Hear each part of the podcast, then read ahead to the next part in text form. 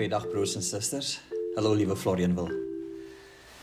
Vandag is ons Pinkster afsluiting. daarmee bedoel ek Pinksterfees. Dit is vandag Sondag 5 Junie 2022.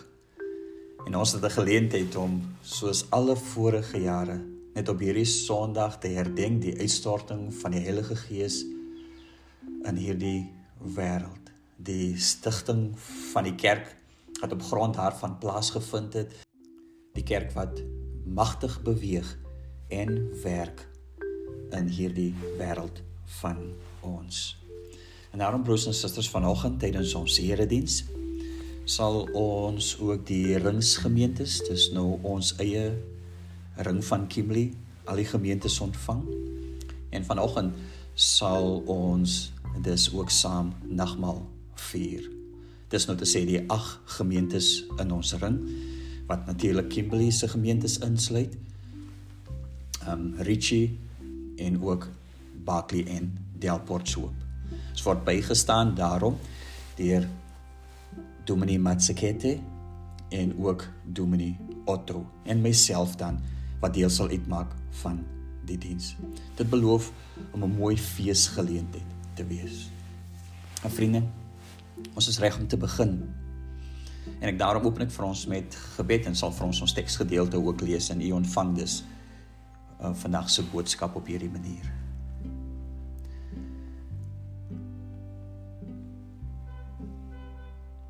Hemelse Vader,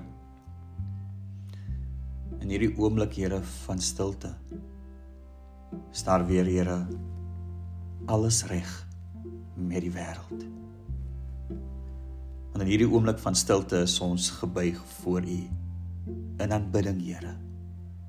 En Here, nie net ons liggaamshouding getuig daarvan nie, maar ook Here, dit wat aan ons harte besig is om te gebeur. Ons verootmoedig, Here, ons voor U. Ons besef, Hemelse Vader, dat U God en Here skepper van hemel en aarde. Ons weet, Here, dat U wees nie ons vee nie, Hemelse Vader en dat u koninkryk hemelse Vader anders is as die koninkryke van hierdie wêreld. En ons weet ook Here dat die koninkryke van hierdie wêreld nie hou nie, maar u koninkryk Here hou van geslag tot geslag. Tot aan die einde toe sal dit bestaan. En so hemelse Vader is ons gebed in hierdie oomblik Here, stuur die lig en stuur die waarheid. Gee Vader dat dit ons sal lei, ons sal bring Here na die heilige berg waar u wil hê ons moet wees. Amen. Vriende, broers en susters, genade en vrede vir julle van ons Here Jesus Christus. God wie ons hemelse Vader is en deur die kragtige werking van die Heilige Gees. Ons teksgedeelte vandag is 1 Konings 19 vers 19 tot 21. En dit is die gedeelte sê die 2020 vertaling Elisa as Elia se opvolger. Ek lees die teksgedeelte vir ons 1 Konings 19 vanaf vers 19. Elia het daarvandaan weggegaan en Elisa, seun van Safat, aangetref terwyl hy ploeg. 12 pare osse was voor hom aan die werk. Hy was self by die 12de paar. Elia gaan toe na hom en gooi sy mantel oor hom. Hy het die osse net daar gelaat, agter Elia aangehardloop en gesê: Ek wil asseblief my vader en my moeder met 'n soen gaan groet, dan sal ek u volg. Maar hy antwoord hom: "Gaan terug, want wat het ek aan jou gedoen?" Hy draai toe om agter hom. Neem een paar osse, slag hulle en maak die vleis gaar met die osse se trekgoed. Hy gee dit toe vir die mense en hulle het dit geëet. Toe maak hy gereed en volg Elia. Hy het sy helper geword. Tot sover die woord van ons Here. Broers en susters, ons teksgedeelte bevat dus die roeping van Elisa. Ek moet erken as dit by my gunsteling karakters in die Bybel kom, is Elia en Elisa hoog bo-aan my lys. En daar's soveel stories en soveel dinge wat hulle gedoen het wat hulle net baie besonders maak. Ek onthou byvoorbeeld Elia was nie begrawe nie, nee, die Here het hom self kom haal in 2 Konings hoofstuk 2 En dan is daar die ander storie oor oor Elisa toe hy al reeds dood was en in sy graf was. 2 Konings 13 vertel. Ehm um, dat op 'n dag was mense besig om 'n man te begrawe en somehow uh met 'n aanval wat op by stadium geloods was, het die lijk toe in die graf van Elisa beland. En toe die lijk die bene van Elisa aan die bene van Elisa raak, het die man lewendig geword. En daarom beide hierdie profete is besonderse mense in lewe en in dood. Maar wat veral uitstaan is hulle geloof, hulle gehoorsaamheid, hulle dapperheid. Hierin was hulle onoortreffelik geweest. Die agtergrond tot ons teksgedeelte is die roeping van Elisa. Is die konfrontasie op die berg Karmel. Jy sal die episode onthou.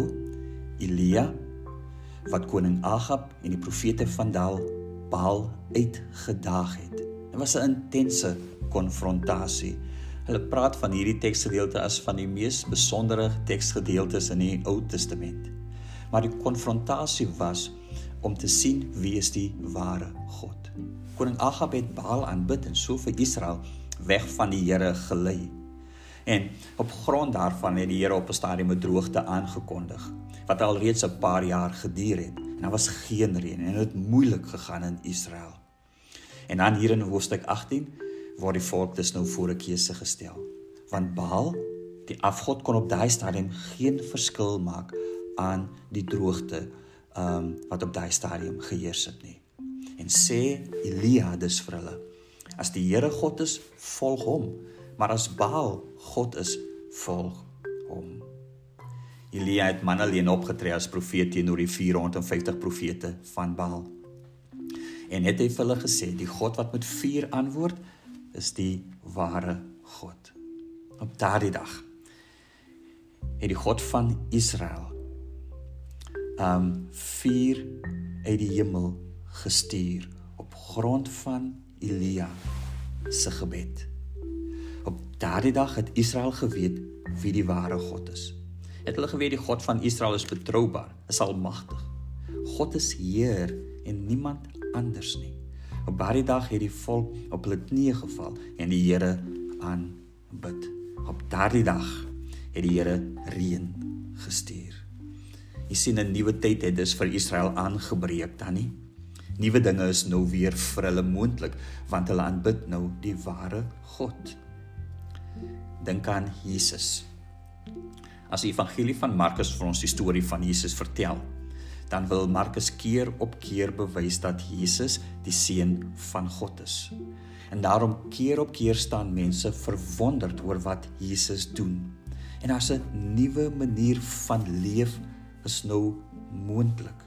Nie die afgesagte reëls van skrifgeleerdes en fariseërs nie, nee, maar nou om nie te leef in die nuwe koninkryk van God, want dit is op hande, want Jesus is daar nuwe tye het aangebreek. Dink aan die vroeë kerk. Die apostels gevul met die Heilige Gees. Hulle verkondig die woord, hulle doen wondertekens en duisende mense kom tot bekering. 'n Nuwe realiteit, 'n nuwe moontlikhede, 'n nuwe werklikhede, want God leef. God is almagtig. Siekes word gesond gemaak en duiwels word uitgedryf. Dis die tydperk waarin die kerk in die boek Handelinge is. En daarom ook so in die tyd van Elia en Elisa. Is net dat die ware God op die troon is en daarom is daar nuwe moontlikhede. Nou, terug na Elisa. In die nuwe realiteit word Elisa dus geroep en Elia kry die opdrag van die Here om hom te roep. Hy kry vir Elisa besig om te ploeg en sonder om 'n woord te sê, gooi hy sy mantel oor hom geen bespreking, geen onderhandeling nie. Elisa verstaan en hardop agter Elia aan. En selfs wat sy al versoek wat hy rig is dat hy sy ouers wil gaan groet. En dan hoor ons slag hy sy osse en voed sy werkers. Ons lees broers en susters dat daar tog 'n oomblik in die lewe van Elisa is om om soort van terug te gaan.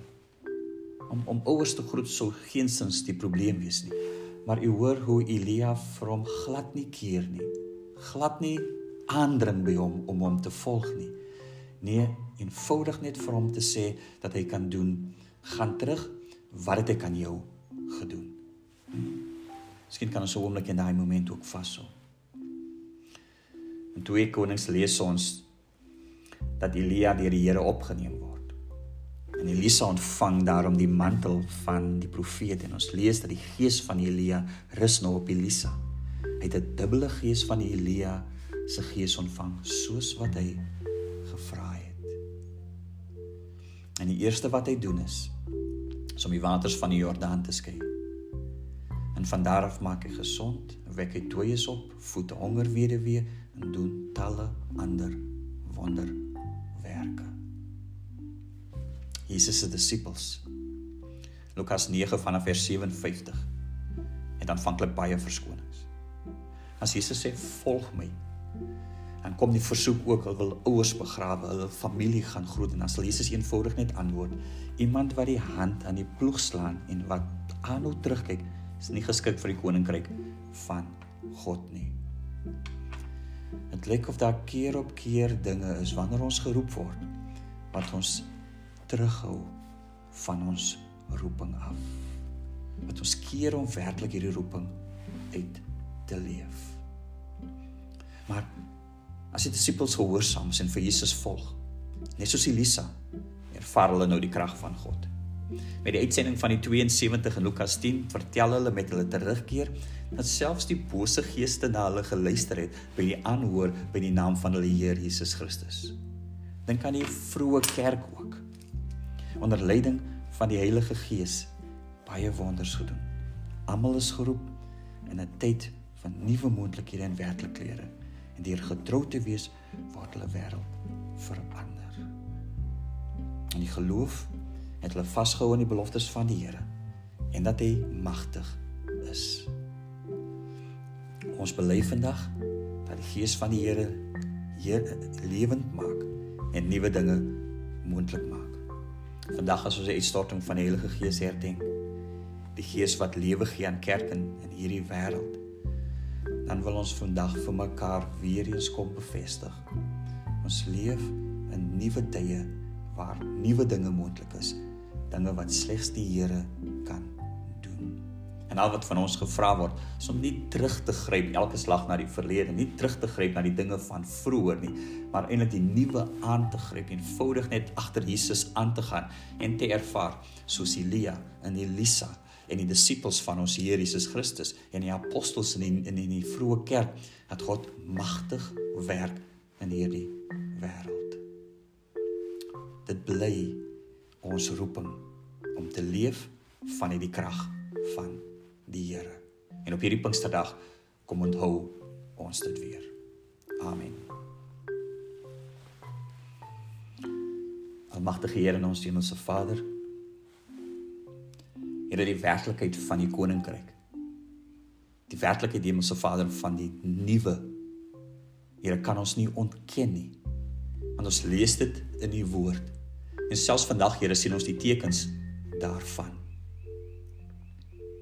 Maar tog Here as kerk leef ons soms so Here met die ou werklikhede van 'n wêreld Here wat geslote is, van nuwe dinge wat nie moontlik is nie, van krag wat nie kan kom nie en genesings wat nie kan gebeur nie, en wonderwerke Here wat nie kan plaasvind nie. En daarom Here is ons eintlik Here maar net soort van besig om aan te gaan. En leef ons nie Here soos wat U van ons vra in gebed, in vertroue en in geloof. En daarom leef ons nie Here en ervaar ons nie die nuwe dinge wat U kan moontlik maak nie.